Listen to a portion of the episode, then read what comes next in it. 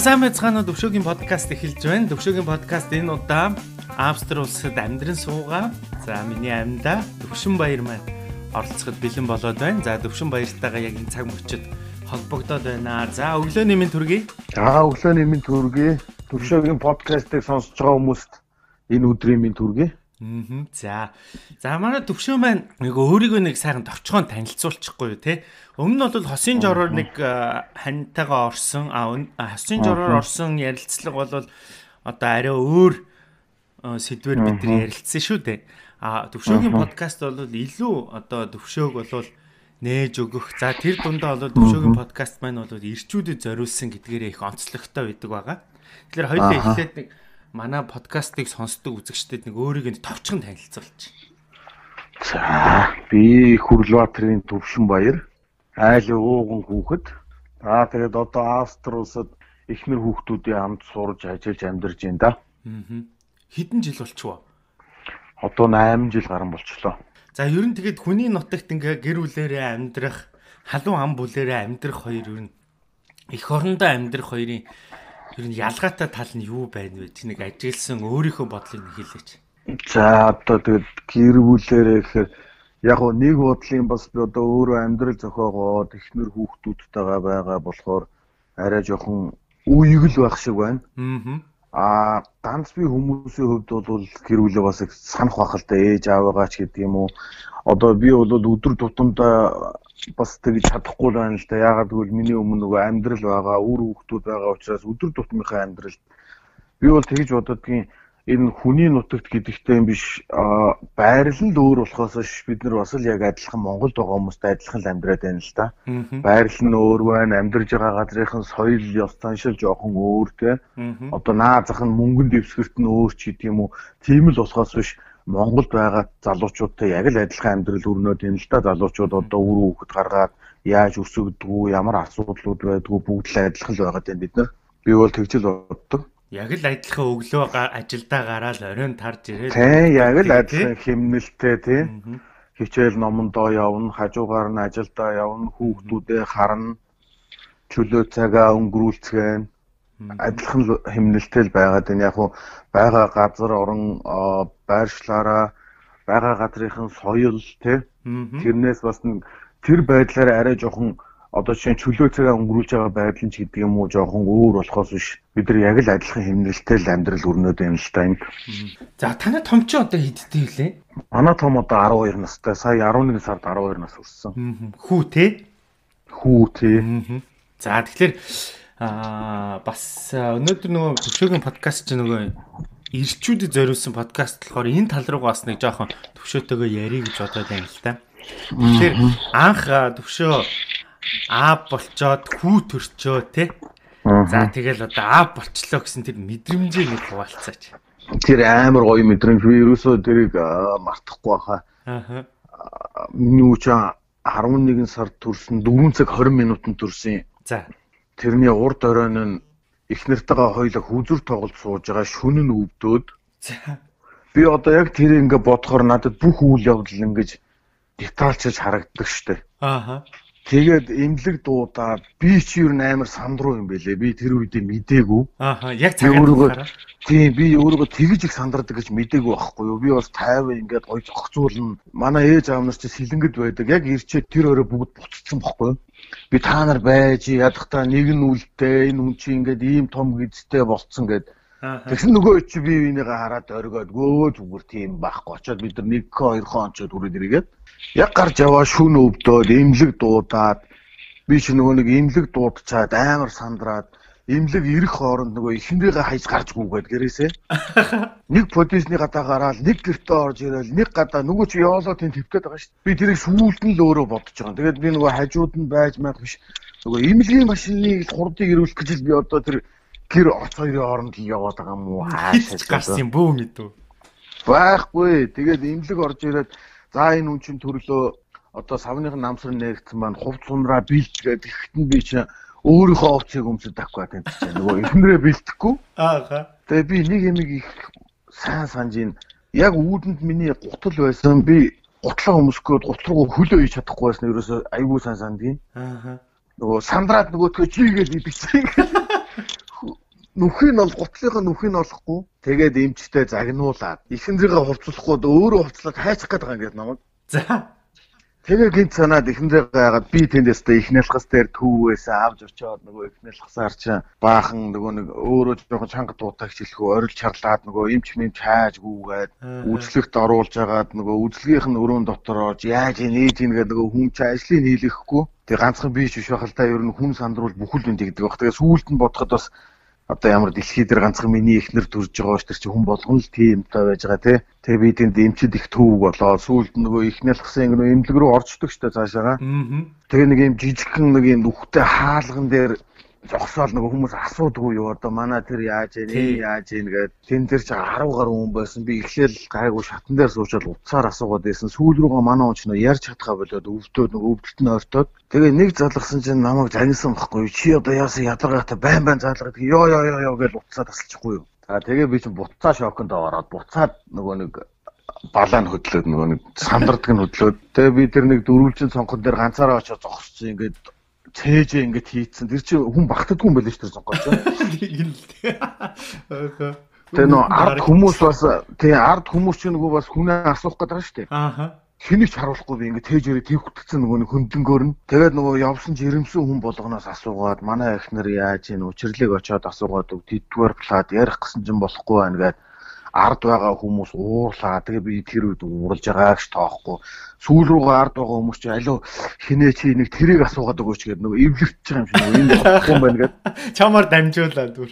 Тэ. Би чи нөгөө цонх таgal зогсчоод хүн болгоныг асуугаад. Тэгээ эхэндээ төрсний дараа орсон байхгүй юу? За. Тэгээд орсон чи нөгөө нэг эмчнэр намайг тэгж байгаа бүгдээрээ таньдаг болсон тэргүүч өвчнөө цаг тэнд орилчиж байгаа юм чи танилгүй байхад хүн болгоно нөгөө эмчнэр гэр загнаал намайг. Чи одоо галзуу солиотой юм шиг гудамжинд байгаа юм шиг ганцаар одоо ясаа хаашаа одоо юу гэсэн мэдэхгүй юм да одоо тэгээд төрдгүү хүн төрж байгаа юм тэрл гэж загнаа үз бодвол тэгсэн чинь нэг асрагч намайг тэгсэн байхгүй совлогч ч юм уу? Чи тэр цонхоор ороод ирэхгүй яасан гэдэг тэгээ би тэр үедээ тэр мөрийг шууд хүлээж аваад та нар тэр том цонхоо томхон ихэд яадаг гэсэн бол ороод ирэх байсан гэдэг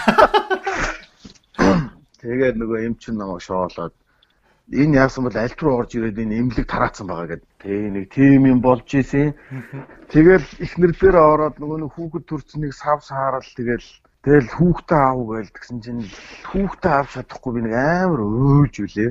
Ааха. Би нь их өөлд юм байлээ. Би гурван хүүхдээ төрөхт нь гуруулан дээр нь амар өөлсөн шүү дээ. Би ч бас зүгээр хүн шиг ингэж өөлөхгүй аюултай өөлж байгаа шүү дээ.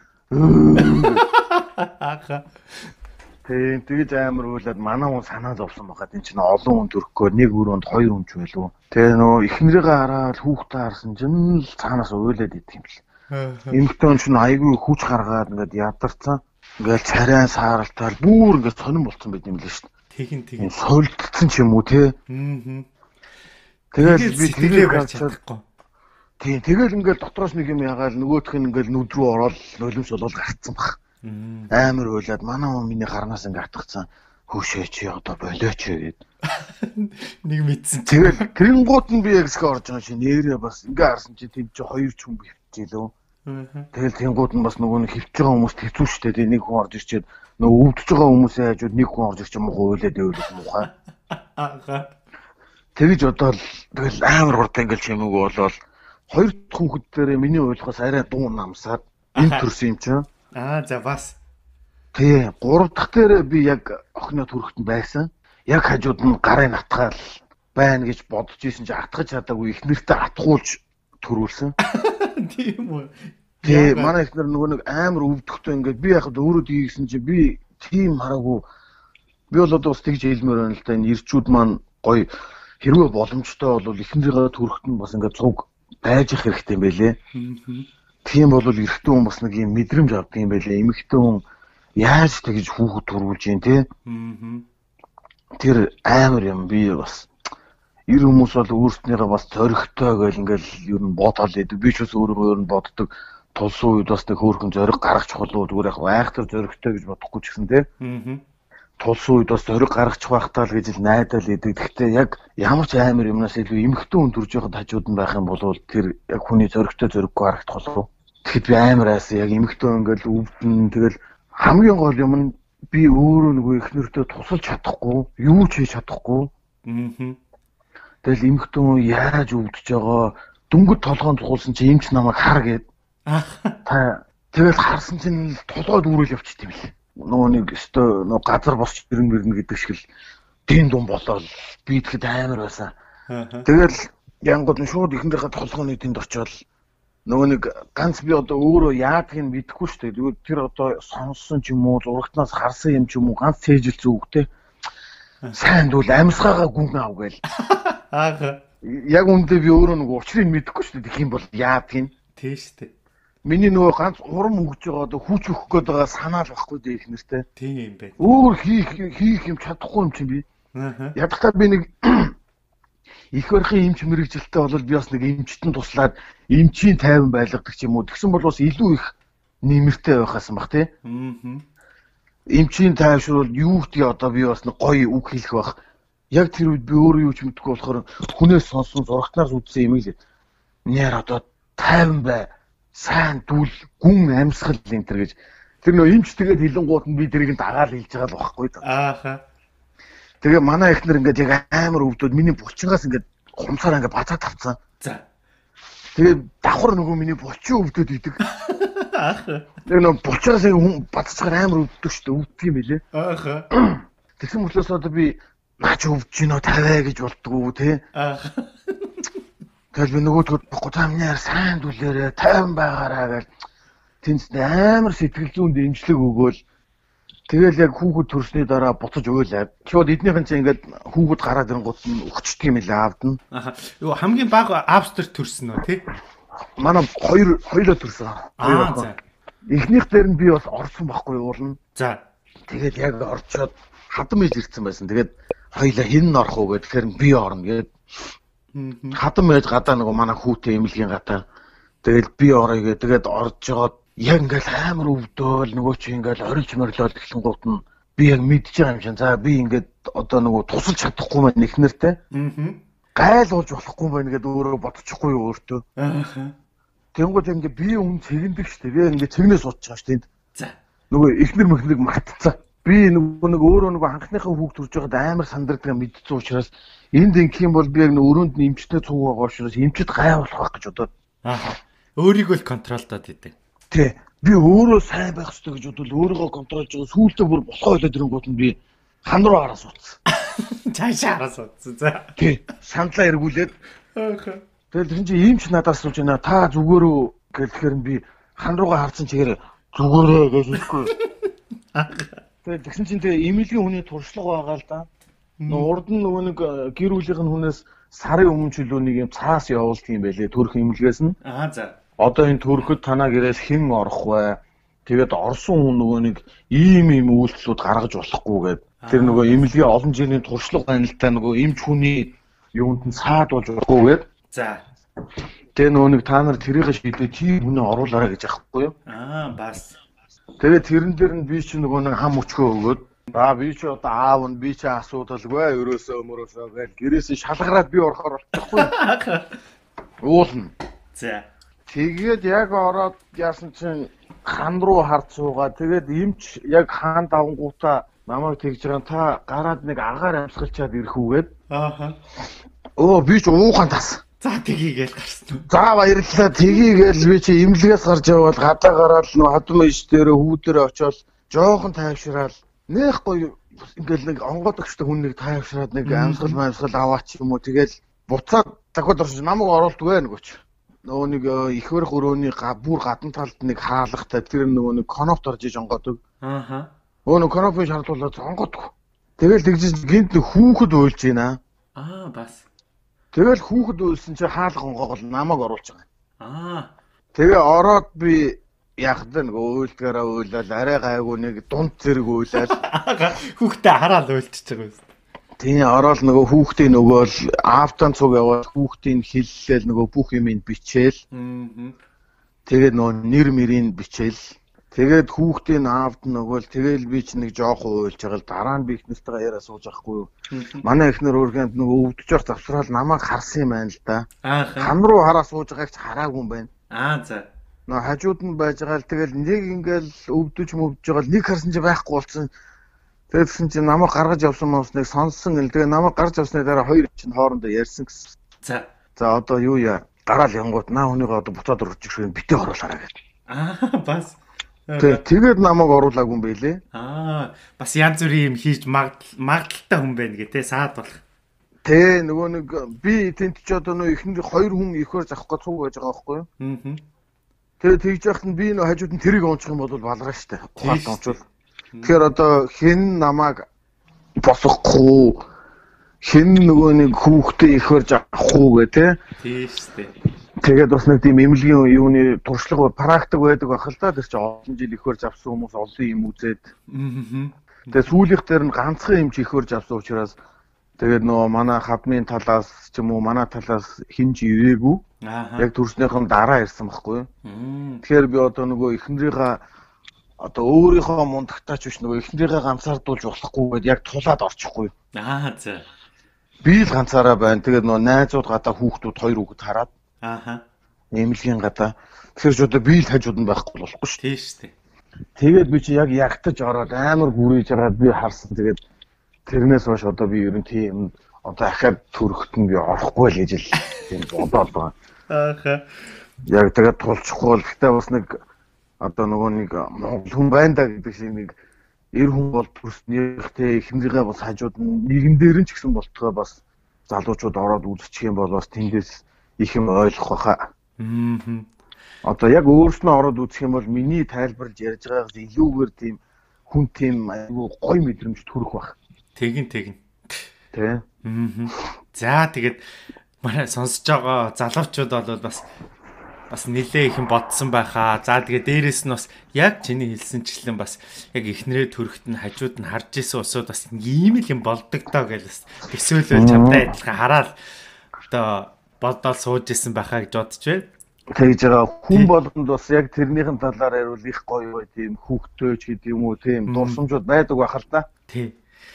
За тэгэд э, төвшөө маань бол сайхан хүүтэй, хоёр сайхан охинтой байгаа. Аа тэгээд аа би чамаас бас нэг ийм зүйл асуусан. Маа төвшөөч бас мундаг аав. Тэгэхээр ер нь бас нэг аа баг байхдаа танаа аав ээж чамайг яаж хүмүүжүүлдэг байсан. А одоо эргээгээд чи бас ингээд өөрийнхөө гурван хүүхдийг эргээд яаж хүмүүжүүлж чинь те. Аа. Тий, тэгэхээр энэ бас нэг аав ээжээс харж авсан уламжлалыг яагаад вэ нүү аль эсвэл шал өөр юм яваад вэ нүү энэний нэг ялгааг ярьж өгөөч хөө. За миний нэг бодол байдгийн би одоо яг аа эцэг ихийнхээ хүмүүжлэр хүүхдүүдээ хүмүүжүүлнэ гэж өөрөө боддог байсан байхгүй юу? За.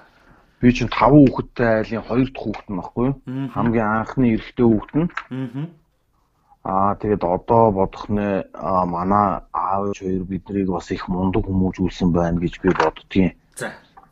Аа тэгвэл өнөөдөр цаг үе айгүй өөр болцсон. Аа. Би бол анх тэгж бодоод идэг байсан. Эцэг ишгээл би хүүхдүүдээ ингэж хүмүүжүүлэх ёстой гэж. Тэгээд би яг энэ нөгөө нэг би өөрөө яг энэ амьдралынхаа явцад их надад туршлага хуримтлагдж байна гэдэг юм уу? Аа. Анх би яг тийм үзлэр хүүтэйгээ тэгж ханддаг байлаа. За, анхны хүү дээр. Тий анхныхаа хүү дээр яагаад гэвэл нөгөө нэг миний өөрийн бодол гэдэг юм уу эсвэл төлөвшөл гэдэг юм уу нэг тийм юм байна л да. Ийм байх ёстой тий. За. тийм байж болохгүй гэдэг юм уу. Тэгээд би хүү дээрээ бас нэг анх яг ингэдэг л гэсэн л ойлголцоогоор тэгж яаж исэн. Тэгээд яваанд хараад байхад миний тэр бас их л буруу байсан юм байна гэдгийг би тэгээд яваанд ойлгосон л доо өөрөө. За. Яагаад гэвэл одоо цаг үе их өөр болж байна. Нөгөө хүн чинь ингээд нийгмээ дагаад хүний төлөвшөл гэдэг юм өөр болж байна те. Эсвэл бол нөгөө нэг энэ хөгжлөө дагаад одоо соёл хүртэл өөрчлөгддөг улс үндэстний тэрэн шиг хүмүүжил хүүхдийн хүмүүжил гэдэг чинь нөгөө нэг нийгмээс хүлээж авч байгаа зүйлээрээ а хүн цаашаа төлөвшдөг гэж би боддог байхгүй юу. Аа. Нийгмээс хүлээж авж байгаа эцэг ихээс хүлээж авж байгаа одоо мэдээллээрээ гэдэг юм уу цаашаа төлөвшдөг учраас бид нар бас өөрснөө өөрчлөх өөрчлөгдөх ёстой байна гэж би ойлгож авсан. Тэрийг би тэгж ойлгоод байгаа байхгүй юу? Зөв зөв.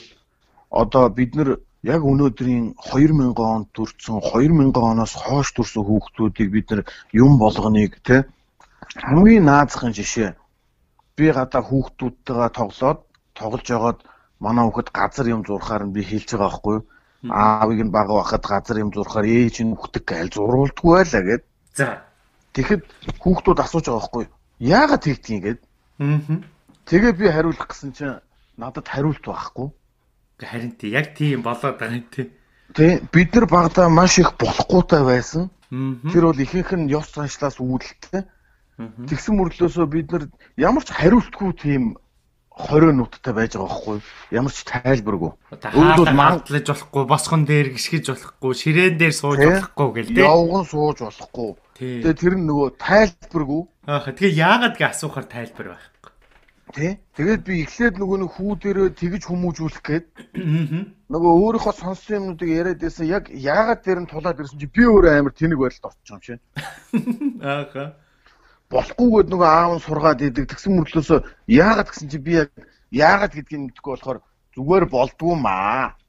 Тэгэл тийм хариулттай. Тэгэхээр ингээд бас нэг хүмүүжүүлэх тал дээр ч юм уу илүү өөр одоо хүүхдүүдийн нээлттэй байх ёстой л гэж би бодоод байгаа юм л да. Бид хоёр тэгээд одоо ер нь хүүхдүүдээ тэгэж хүмүүжүүлэх юмсан гэж хүмүүжүүлэх юмсан гэж ярилцдгийн хоорондоо тэгээд яг заримдаа ч бас яг тэргээр болохгүй юм байна л да.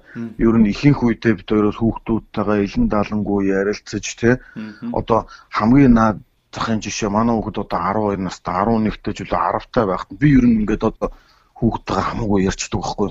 Зөв. Одоо юуныш талаар хамаагүй асуусан болгонд нь хариулах гэж те. Ягаад гэвэл заавал дэвтэрдэргүй хүний насанд одоо тэгтээ яг ярих нөгөө нэг юм насны ангиллын юмнууд бол байж л байна л да. Би хамаагүй ярьдаг гэж одоо 12 настай хүүхдтэй би амар хэцүү сэдвэр ч юм уу байг тэрийг ингээд шууд утгаар ингээд хилээд байвал бас хүүхэд айгүй нөгөө нэг хүчтэй хүүхдийг юм шууд хүлээж авдаг штэ. Тий, яг байгаагаар нь тий. Тийм, яг миний юу гэж хэлсэн тэргээр хүлээж авдаг учраас шууд тэгээд хэлчих юм бол бас хүүхдэд цочруулахс юмнууд бас байж магадгүй тий. Тий. Тийм болохоор яг тэр юмыг эцэг эхчүүд ч гэсэн өөрснөө бодоод тэгээд аль болох юм аливаа нэгэн асуудал дээр нээлттэй хүүхдүүдэд эсвэл хялбархнаар тайлбарлаж өгдөг ч юм уу ойлгох хичээдэг байх хэрэгтэй. Яг бүгдийг тайлбарлаж өгдөг юм ахэд ерөнхийд нэг ойлголтыг өгчих юм бол хүүхэд цаашаа бас өөрөө нөгөө нэг анхан шатны мэдлэгтэй болсон болохоор тий. Аа. Цаашаа өөрөө одоо ингээд хүүхэд судлал бас их цаашаа ингээд яг хүүхжих нөгөө одоо мэдээллийн боломж их байна л да хүүхдүүдэд. Мэдээлэл авах тийм Тий, мэдээ сургууд бол бүр бидний баг байхаас илүү тийм байдгүй байлаа шүү. Бид нар жоохон байхад одоо 4-р ангид юм уу 5-р ангид нөгөө халуун үнжилгээ сонныг ч юм уу те нууцаар үзэл идэг тий. Би одоо одоо боддог байхгүй.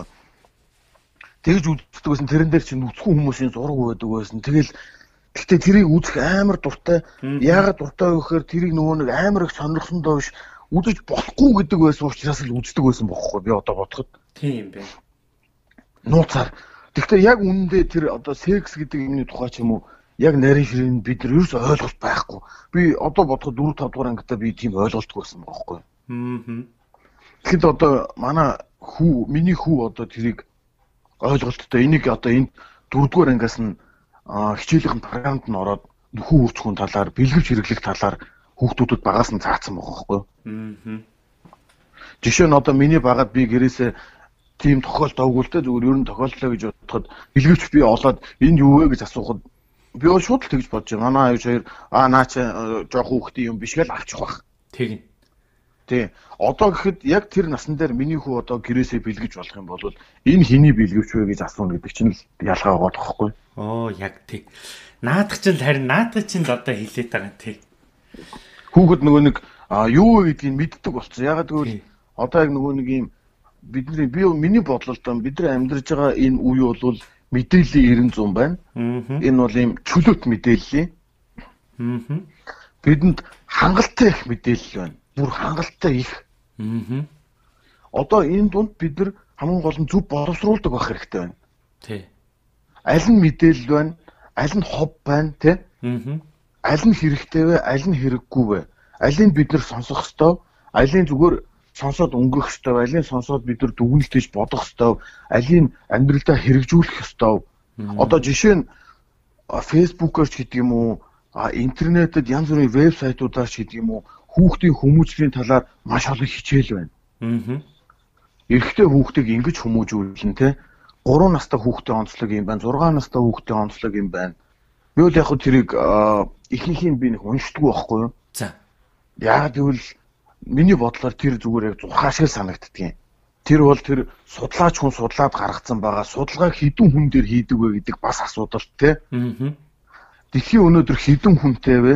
Хідэн хүн дээр судалгааг хийдэг вэ? Тэгэхээр энэ бол ерөнхийд дунджаар гарах боломж маш бага л гэж би боддог байхгүй юу? Аа. Яг л зурхаа шиг зурхаа хүн болгонд таарад байгаа юм шиг мөртлөөсөө үхрийн ордны хүн болгон үхэр жилтэй хүн болгон өөр юм гэсэн онцлогтой.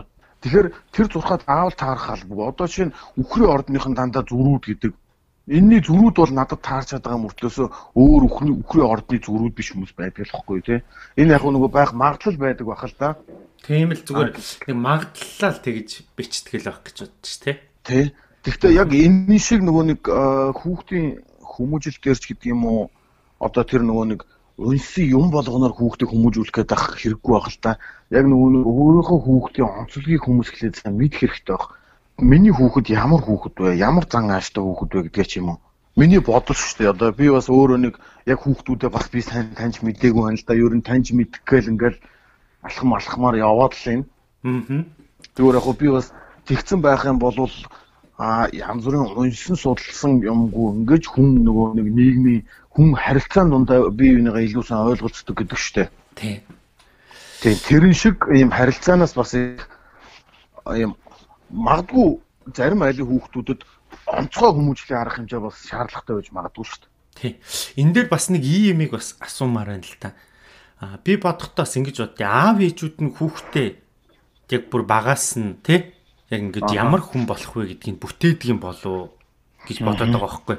А дараа тэр хүнийг ямар хүм цаашаа одоо тий төлөвшөж ямар эрдэн боловсралтай болох вэ гэдгийг багш нар бүтээдэг юм болов гэж бодоод байгаа. Тэгээд тэр хүнийг нийгэмд аав ээж багш нар гурав хамтар тэр хүнийг одоо хүн болгож нийгэмд гаргадаг. А тэр гурав тэр хүүхд дээр муу ажиллах юм бол нийгэмд муу хүнийг одоо маа гэд одоо тавина гэсэн үг тий. Тэгэхээр миний бодлоор бас нэг ийм байгаад байна. Аа одоо Монгол хүүхэд аа одоо чи бас нэг тодорхой хугацаанд Австрид амьдралаа шүү дээ.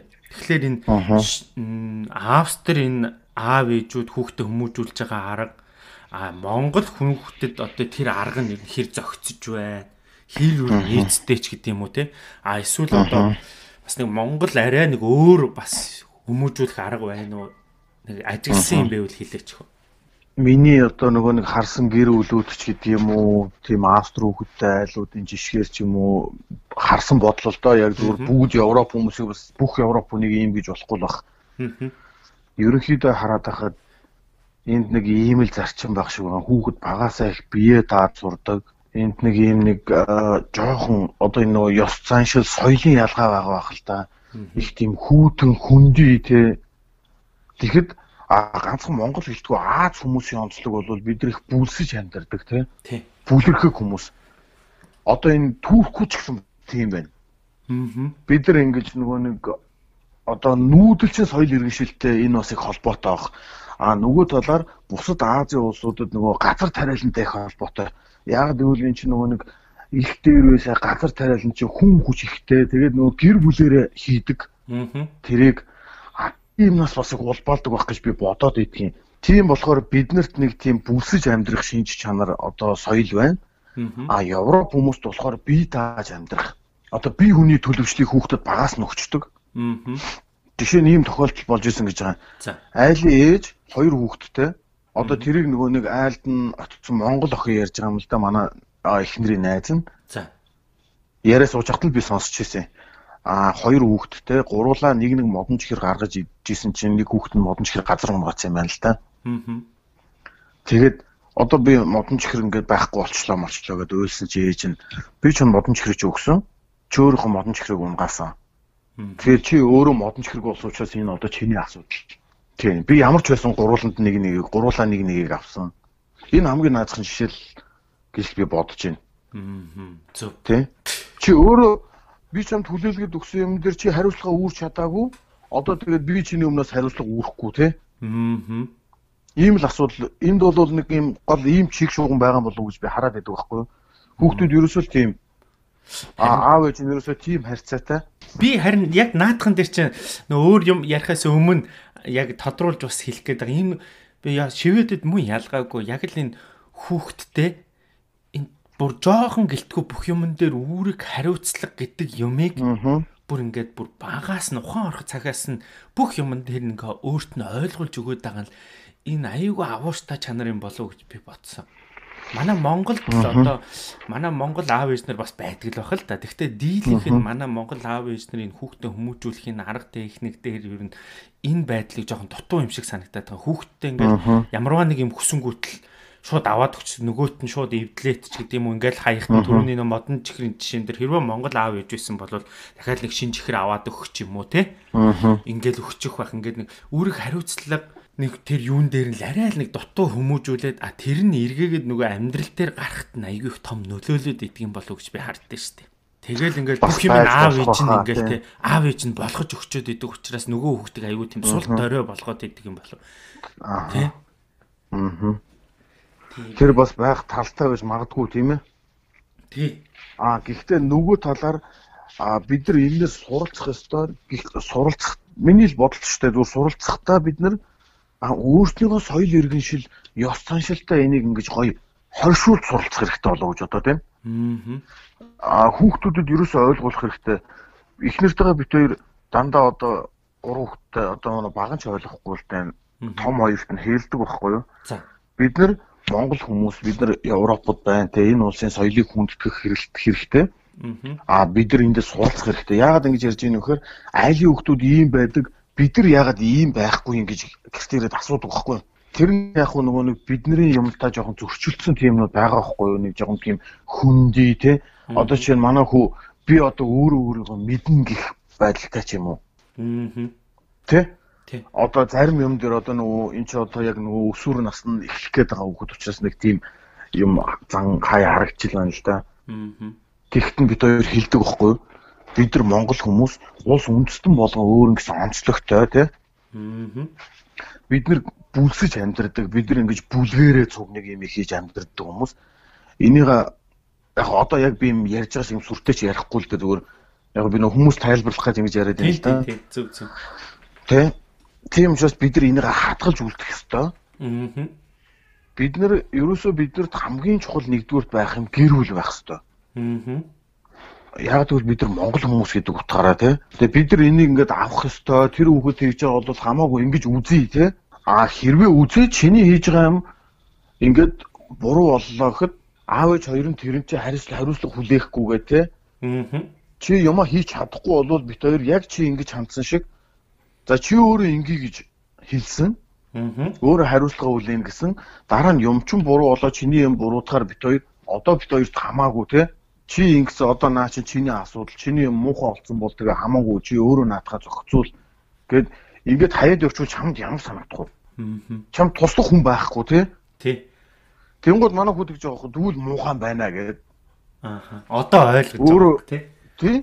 Тэгэхээр бит хоёрыг хэлж байгаа байхгүй. Энд чи яг л энэ юмны л тухай яриад байгаа.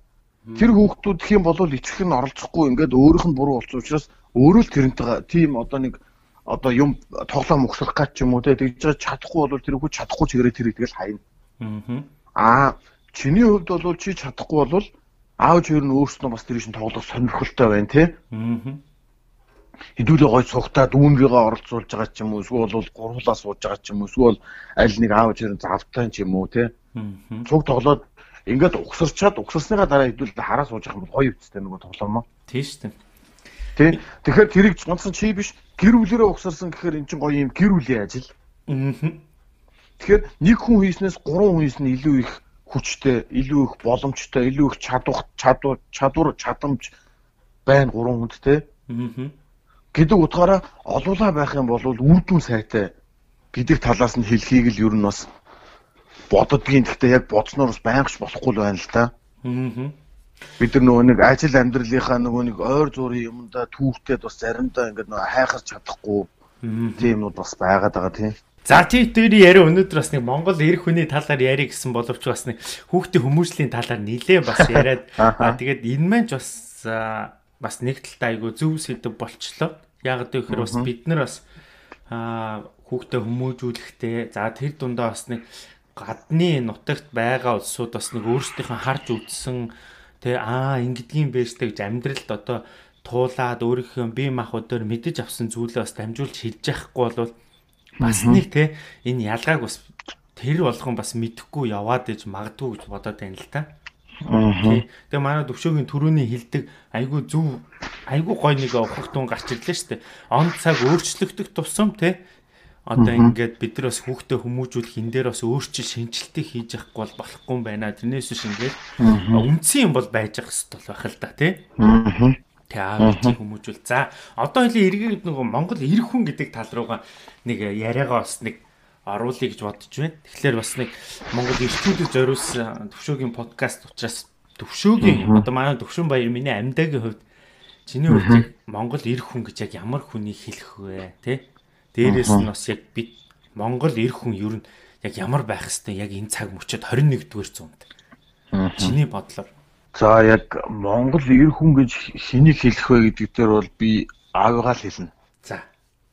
Миний аав бол жинхэнэ Монгол эр хүн. Аа манай аав нас барцсан л да.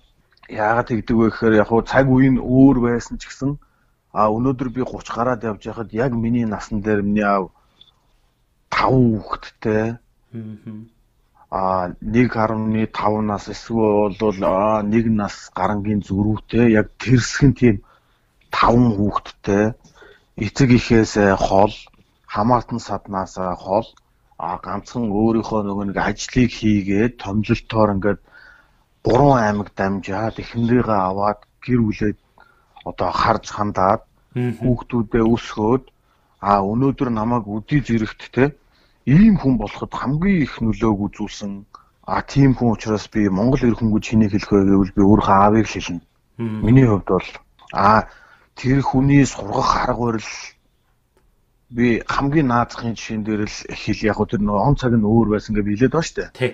А тэр үедээ бол маш зүв байж. Аа.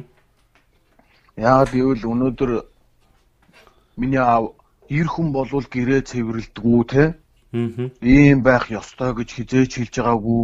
Өөрөө хүүхдүүдийнхээ хувцыг нэдрүүлэг гэж байдаг байсан шүү дээ. Одоо ч байгаа л бах л та зарим айлд. Нэдрүүлгээр манай аав хагас бүтэн сайнд өөрөө хүүхдүүдийнхээ хувцыг угааж гэр орныхоо ямиг угаадаг байлаа. Баан дийж байгаа. А бидрийг тургасан энэ шатлал нь маш гоё байсан байгаа. Тэгж яагаад а бид нар жоохон одоо би нөгөө хамгийн том хүү нь учраас жоохон томроод ихтлэнгууд А би тэр нөгөө нэг аавын угаах ажилд нь оролцож эхэлж байгаа байхгүй юу? За, туслаад. Яа, тий. Яаж оролцож ийн нөхөр би эхлээд оймс угаадаг болж байгаа. За. Нэдрүүлгэн дээр өөрийнхөө оймсыг. Аа. Дараа нь би дүүнрийнхөө оймстой зөв гэр бүлийнхөө оймсыг угаадаг хүн би болж байгаа байхгүй юу? Аа. Нөгөө миний гар ингээд базаж чадахгүй учраас аав эхлээд оймснуудыг угаалгадаг. Аа. Тэгжээд би нөгөө өсөд том болоод эхлэнгууд дараа нь би нэг подолкнууд угаадаг болоод Ингэж ингэж яагаад ингээд нөгөө цаг хугацааны явцад аа угаалганаас гарчиж байгаа байхгүй юу? За. Аа угаалгын ажлаас гарангууд би аавын оронд орж байгаа байхгүй юу? Тийм би одоо нөгөө орд ирнийхаа даавууг угаадаг. Том одоо нөгөө нэг адиал мадиал ч гэсэн бид нар угаадаг байлаа шүү дээ. Баанд хийж байгаа. Жинхэнэ өмд мөмдийг тэгэнгүүт миний доотлын эрэхтэй дүү аимс руу орж байгаа байхгүй юу? Аа яг дараалалаар. Яг дараалалаараа тий. Аа тэгээд бид нар гэрээ цэвэрлэхэд манайх чи хоёр өрөө байр байсан нөгөө хуучны таван давхрын. Одоо ч байгаа л да. Тэгээд тэр нь бүгд хуваартай байлаа. Би том өрөөг бааны өрөөтэй цэвэрлдэг. Манай ихч галдугоог а коридортой цэвэрлдэг. А миний доотлын эрэхтэй дүү жижиг өрөөг жорлонтой цэвэрлдэг. Ааха. Тэр яг ингээд харангууд ажлын дарааллыг аав чойрол гаргаж байгаа байхгүй юу? Зөв зөв. Яг хүчийг бол айгуугаа тэнцүү хувааж өгч байна. Яг гой тэнцүүлсэн хүний юу ч хатгаар нь. Аа. Манай нөгөө миний доотлын эрэхтэй дүү чинь бидрийг жоохон баха жинхэнэ одоо галтуурны юм цэвэрлдэг хүн. Аа. Тэгээ нөө жижиг өрөөнд хоёр ин дээр үе ор байдаг шүү. Нэг юм одоо нэг юм ор байдаг юм та дээр үе мотор. Аа. Тэгээд нэг төмөр нөгөө цэргийн ор байдаг гэсэн. Хоёр мотор орон жоохон намхан тэгээ доороо хөндийтэй. Манай тэр нөгөө нэг юм тэрвэрлэхдээ дандаа хүндир үнэг юмнууд шийдчихдэг байхгүй ноцтой. Тэнгуут хогийн шүрдэл хевс угааж ийн бүгдийг норгоод ингээд нөгөө үсийн одоо нөгөө хевсний үсийг ингээд сөрчгөр нэг гоё харагддаг шин. Тий. Тэгээ яг гიშгэнгуут нойн нойртон заяа угаас юм байхгүй зүгээр услаад услаад. Ааха. Тэгж угаадаг тэнгууд манай жижиг өрөөний хевс тим хевс байгааг байхгүй арай нэг өөр хевс байсан нэг юм мянцаар хийсэн юм шиг. Аа за. Тэгж нөгөө услаж угааж болохооргүй хевс байсан байхгүй. Аа. Тэнгууд би одоо л бодож байгаа юм л да тэрний хууралт мөөрөлтийг бас л амар гаргаад өгсөн мөн байхгүй. Аа. Манай тэр нөгөө тэрийг хевс тэгж мэгж угаадаг болохоор Аа. жорлон нөгөө талбай багтаа жорлон ч тэрвэрлэх юм байхгүй шүү дээ. Ачаал болоо. Тий. Бэлтаа болохоор тэр чинь услаа хийчих болохгүй хүн альтарж унаад нөгөө нэг хэмбөө ойлон болно. Тэгэхээр тэр чинь усалж болохгүй учраас заавалчгүй арчих хэрэгтэй болно шүү. Бас нарийн ухаан байсан байгаа шүү. Тий. Манай том өрөөч том хөвстэй тэгээд тэрийг намааг угаа гэж тэгж байгаа. Алтгаа болохоор нөгөө нэг төмпөн шанагны юм эмхтэй хөхөд нөгөө манай их хоолоо идэг байсан. Аа. Тэгэхээр одоо тэр бодвол төмпөн шанагтайгаа л танилцдаг тийм бол байсан юм уу? Зөв зөв. Тийм ээ. Одоо тэр чинь нөгөө нэг айлын ихнэр хүн болох учраас тэгэл тэр чинь бүх дарааллыг мэдчихэж тэр төмпөн тэнд байдаг, энэ төмпөн энд байдаг те. Тий. Хоолыг ингэж хийн галтгоонд ингэж оролцсон гэж. Тэрнээс гадна нөгөө нэг айлууд чинь одоо бидрийг баг байхад их хон гаргаж иддэг байлаа шүү дээ. Орон сууцны айлууд нөгөө бошкон дээрээ майлуулж байгаа л гэжтэй яддаг. Тэгэхэд хонь гарах гэд намайг жоохон байгаас эхлүүлээд манай дүү бит хоёрыг дуудаад За. мах төшүүлдэг байлаа. Шууд оролцуулахгүй эхлээд нөгөө хөлнөөс нь бариул бариулж идэг. Тэгэд өөрөө ивдэж яах өөрөө ивдэн. Тэгтээ бид хоёр хажууд нь хараад сууж зүгээр хараад сууж байхгүй бариад байж идэг. Тэн чинь бас нэмэртэй байгааз. Тий. Тэгсэн чи тэр яасан бэ? Би тэр үед бол мэддгүй л байла. Манай нэг ч удаа зааж өгч байгаагүй. За одоо энэ нугалмыг энэгээр ингэд нугалдаг гэж. Аа. Тэнгүүд бит хоёр айгүй удаан тэрийг хараад ахаар хүнд ингээ өөрт нь яач тийм байна л да. Хоногшоод үлдчихэж байгаа л да тий. Хоногчд юм байна. Тэгж байгаа л хизээ орсныгоо мэдхгүй яг айжамдаа ингээд мах ивдэх рүү ороод хоньны бүтэн мах ивдэх рүү ороод. тэгээд бид нар ороод эхлэнгууд нь аав тэр ажлаас гасчихж байгаа байхгүй. Ааха. Ерөөсө симхи симхил явуулаад идэх гэсэн биз дээ ерөөс. Хүүхд ингээ баг багаар ингээд өөрт нь нөгөө нэг сурахчдаг юм уу бодвол тэгээд тэр мэд асуудал те хүүхдийн хүмүүжил талаас нь яг хүн гэдэг талаас нь бас би одоо аав маань их шудрах хүн байсан. Яг өнөөдөр би өөртөөгөө харьцуулах юм бол намайг бодох юм бол тэгж нэх их юм ярьдгүй хүн байсан тий. Яг л тийм л нэр хүний одоо миний бодож явдаг л нэр хүн одоо манай аав л байсан гэж би ерөөсө дахин дахин хэлмээр байна л. Мгм. Аа аавын үг бол амар хүчтэй байлаа. Чимээгүй байж байжгаад аав нэг юм хэлэх ондоо олон давталтай ээж юм хэлэхэд хүлээж авах нэг ондоо Тийш Тий. Дээ. Аа ингээл чимээгүй байж байж байгаа л нэг удаа хэлнэ. За чи багах маяглаарай гэж хэлсэн үг л сараад аадаг байлаа штэ. Тийш дээ. Хүн ямар ч зан замдраадах шаардлага байхгүй те. Аа. Тэр чинь ингээл надад сануулга ирчихэж байгаа байхгүй. Тийм. За би маяглаж байгаа юм байна те. Тэ яг нөгөө нэг хүүхэд бол яг маяглаж байгаа үед өөрийгөө маяглаж байгаа гэж бодохгүй шүү дээ. Тийш дээ. Тийм. Би Тэгээд наа болохгүй юм хийгээл байгаа Тий. байдаа гэл тий. аав ингээд хэлж байгаа учраас за би ямар ч л байсан ер нь л тунал болохгүй байгаа юм байна да дараагийн арга хэмжээрөө ойртож байгаа юм байна гэсэн сигнал шууд ирж байгаа байхгүй Мгм. тийм ээж бол ээж ер нь ихэнх айлын ээж тийм байдаг байх гэж би боддгийн нөгөө нэг өдөр тутмын юмд оролцож тий Тийш дээ. ээжүүд нэг өдөр тутам нэг үгэлдэг гэдэг юм уу яншдаг гэдэг юм уу нэг тийм бай тийм болохоор нөгөө нэг ээж хэлж байгаа үг чинь аавын үгийг бодвол нэг чинтэй биш баха Тий. тий тий. Аав нөгөө нэг байжгаад нэг юм хилдэг болооч тэгдэг юм уу? Эсвэл бол яг голын олсныг үг хилдэг болооч тэгдэг юм уу? Аа хүмүүсийн тал дээр биднийг ажил сургасан тал дээр нь би бол яг эр хүнийг эр хүн аа, аавынхаа талаас эр хүнийг ингэж бодож байна. Аа нөгөө талаас намайг баг байхад манай их дэмждэг байлаа. Мгм. би одоо нэг хамтлагтай бид нар нөгөө нэг хүн болгон хипхоп дуулдаг байсан яг үеэр л хамтлаг момтлог гал тоглолт хийдэг байлаа. Тэгээд бид нар нөгөө нэг э, тоглолт хийх гээд мөнгө олдохгүй байж хахад манай надтай цуг авч исэн тэр өрөө санаанд гардггүй. Одоо манай ха- хамтлагт юу олж өгөх гээд спонсор олж өгөх гээд Ааха. нэг өглөө за хоёлаа гарыг гээд. Мгм. Тэгээд одоо манай хуучин гурлийн үйлдвэрлэлөө очиж Манай сэлгэж гурлийн үйлдвэртэй шүү дээ төвдөө. Аа. Гурлийн үйлдвэрийн дарга руу н орж уулзж агаад бас таньдаг найз нь байсан гээд дарга руу н орж уулзж агаад бид нарт 40 мянган төгрөгчүүл авч өгч илоо. Оо за за. Спонсор. Тий. Аа. Гэхдээ манай чинь яг тэгэл гурлийн үйлдвэрлэл явж явах замдаа тэр мөрий чинь тэгж их ярихгүй шүү дээ. Ааха. Би л яг одоо нөгөө аавда ярьж явахгүй да одоо тусламж үсэл ингээд аав одоо ингэмээр байна, тэгмээр байна одоо манай тоглолт тэгээд манай ер нь айгүй их дэмждэг байлаа намайг. Намайг ч гэлтгүй хүүхдүүдээ ер нь яг би нөгөө нэг өөрийнхөө хувьд л сайн мэдээд байна л да манай ах дүүнрийг бас өөрсдөд нь хүн болгон дурсамж байгаа шүү дээ. Тийм шүү дээ. Тий, миний дурсамжуудад бол намайг их дэмждэг байлаа.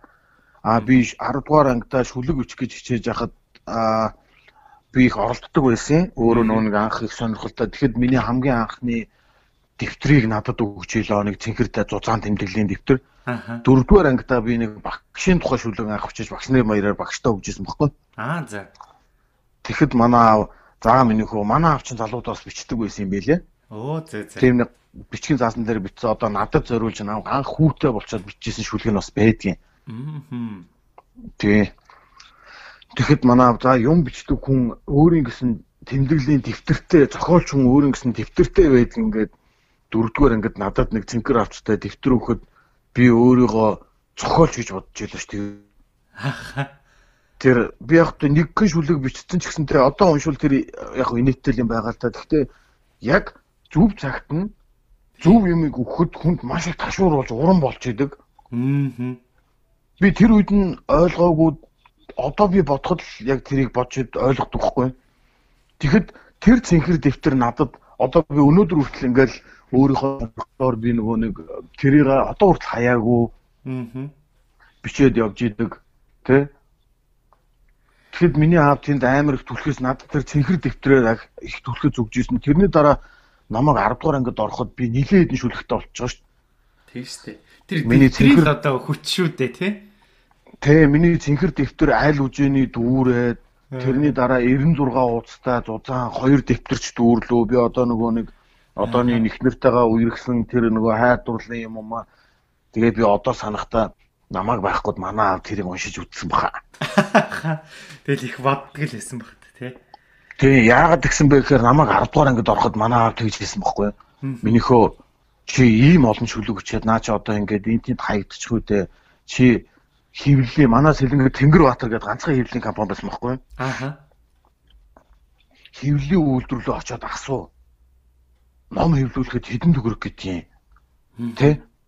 Тэгээд аав нь туслан чи номоо хөвлүүл гэжсэн байхгүй номоо шүлгийн номоо. Аа за.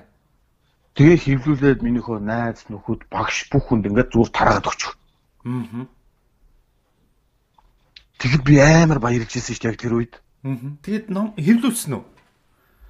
Би нөгөө нэг тэр үедээ өөрөө л тэгэл бичээд идэг бас би өөр хүнд ерөөсөө тэрийг яадаг байсан байхгүй юу? Манай ангийнхан мандийнхан ч юм уу мэддэг, ихнэр одоо манай найз хүн мэддэг. Аа. Тэгээс биш би өөр хүнд ингээл янз бүр уралдаан тэмцээнд ордгоо. Аа.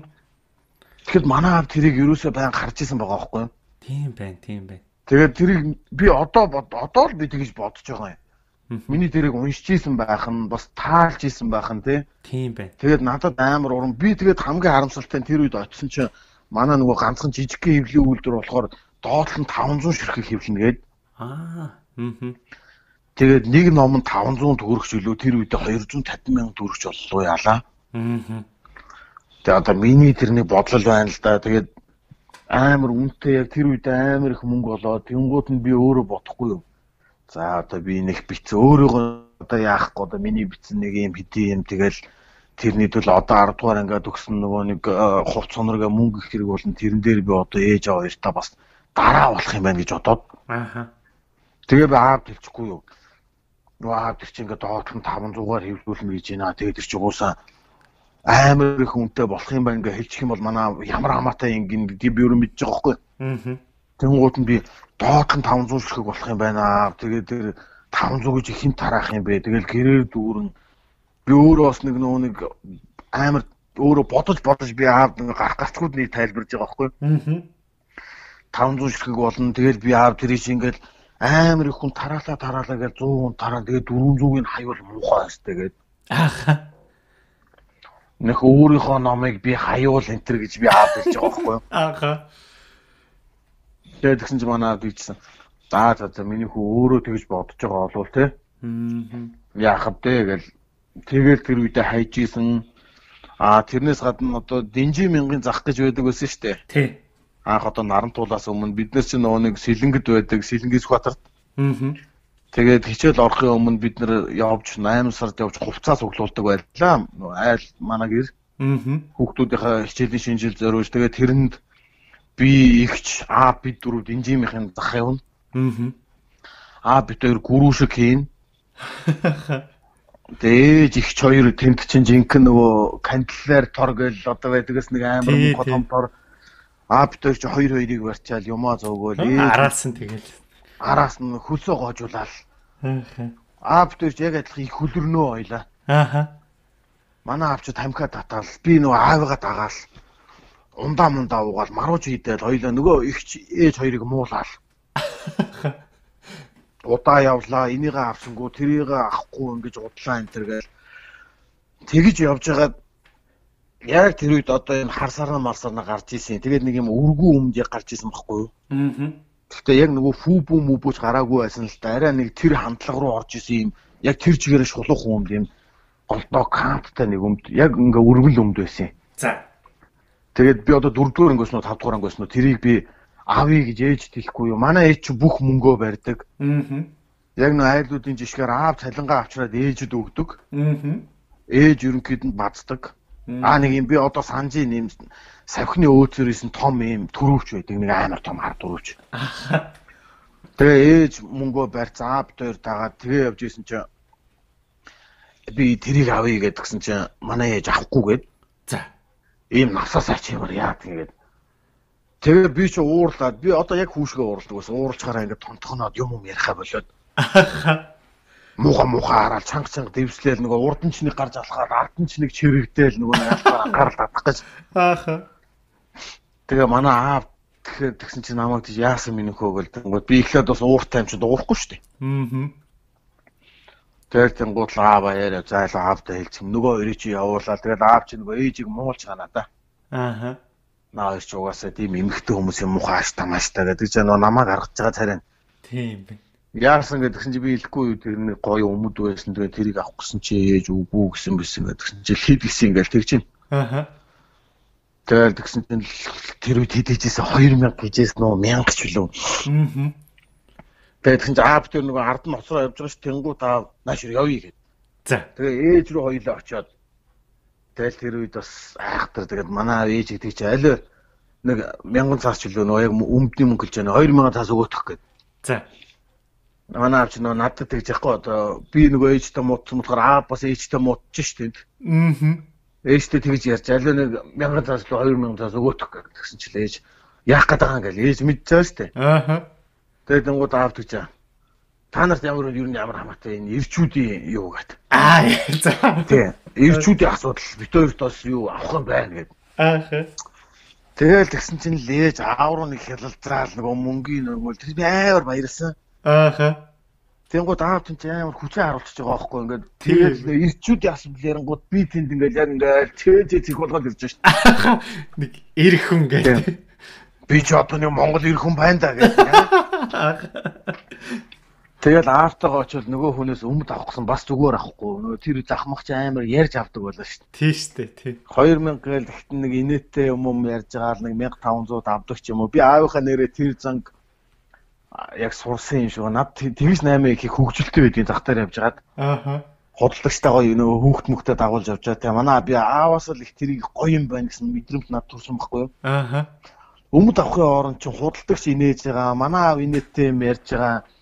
Би тэгээд нөгөө нэг аавыгаа багтаж их инээж байгаа байхгүй юу тийм их нөгөө 8 ихтэй зүгээр ихгүй ингээл гоё инээдтэй ингээл хийгээл одоо 2000 төгрөгийн өмдийг нэг 1800-аар аваал те Ааха. 200 төгрөг гаргангуудаа хоёр тэргээр нь марууч аваад байгаа байхгүй тэнд Мм. эсвэл ундаа аваад уурч байгаа байхгүй халуунд Зүв зүв зүв. Тэгэнгუут л манай аав чи өнгөрөөл 8-ыг чи ингэж хийдэг байхгүй юу гал Ааха. тэгээд миний хамгийн анхны тийм өргүү өмдийг авч өгч ийлоо Мм. гихмэд дурсамжууд ингээд хүнд бас их юу өгдөг юм байна л да. Хүмүүжил өгч исэн юм байна л да. Тэр үедээ яг би нөө хүүхэд байсан болохоор мэдгүй. Одоо би ингээл өөрөө аа болчоод яг хүүхдүүдийн асуудал дээр янз бүрийн юм асуулт тулгараад ч юм уу янз бүрийн тохиолдол тохиолд янз бүрийн юм тохиолдох юм болвол яг би эргээд өөрийнхөө хүүхэд насны юмыг боддог байхгүй юу? Энэ үед миний аав яаж хийдчихсэн байна гэ тэ. Тэгэл би тэрнээс бас нэг юм үлгэр авах тийм хүсэлтэй. Тэ. Аа за тэгээд манай төвшөөгийн маань ярьсан энэ үйл явдлууд бол яг л бидний нөгөө 80-аад оныхан бидний одоо бүр зүрх сэтгэл бүр хоногшуулсан. Би үртэл яа наадахыг чинь л одоо яасан Дэнжи мянгийн заах тэр бүх юм нэдрүүлэг гэдэр чи яг л бидний үеэр ингээл одоо дуусчих тий. Тэгээд энэ бол яг ингээд цаг тухайн үе үе болгондоо ингээд бид нар цагийн гигийн дурсамж болоо үлдчихэж байна. Тий. Хоёрдугаар гэх юм бол манай төвшөөмөө сая хэллээ. Ингээд хүүхдээ хүмүүжүүлж явахдаа аав намайг ингэжсэн, аав тэгжсэн гэдгээ бодож ийн гэдэгтэй адилхан.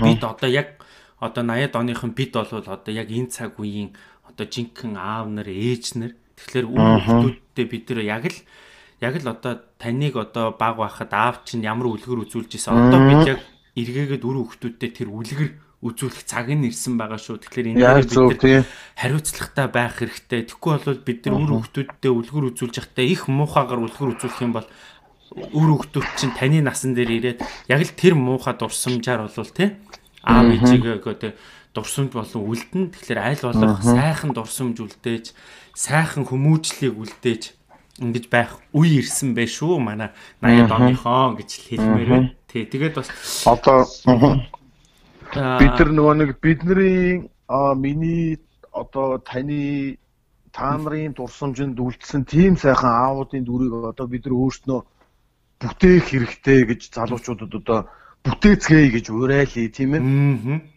ийм гоё дурсамжийг хүүхдүүдтэй ийм гоё сургамжийг те сургамж гэдэг юм чинь их зүүр үг хэлээд яг болдог юм биш. Амьдрал дээр хүн бас өөрөө харуулж болдог. Хүнд ингээд гоё үлдээсэн дурсамж хүнийг насан туршид нь хөглж идэг те Тэгээ үүр насан туршид нь ингээ хадгалаа. Одоо төвшөө бол аавтайгаа тэр явж исэн аавынхаа ярьж исэн аав нь яаж үлгэрлж исэн үл хизээч мартахгүй штэ Яг тэрнтэй адилхан. Одоо яг төвшөө хүүтэйгээ харьцаж байгаа хүүхдүүдтэйгээ харьцаж байгаа тэр бол хүүхдүүдэд бол хизээш мартагдахгүй. Эргээгээд яг ингээд дурсамж болоо үлдэх учраас тэр дурсамж бүтээх тэр цаг хугацаа момент тэр юугээл маш бодолтой маш тий ухаантай хийгэрээ л гэж хэлэх гээд байгаа юм тий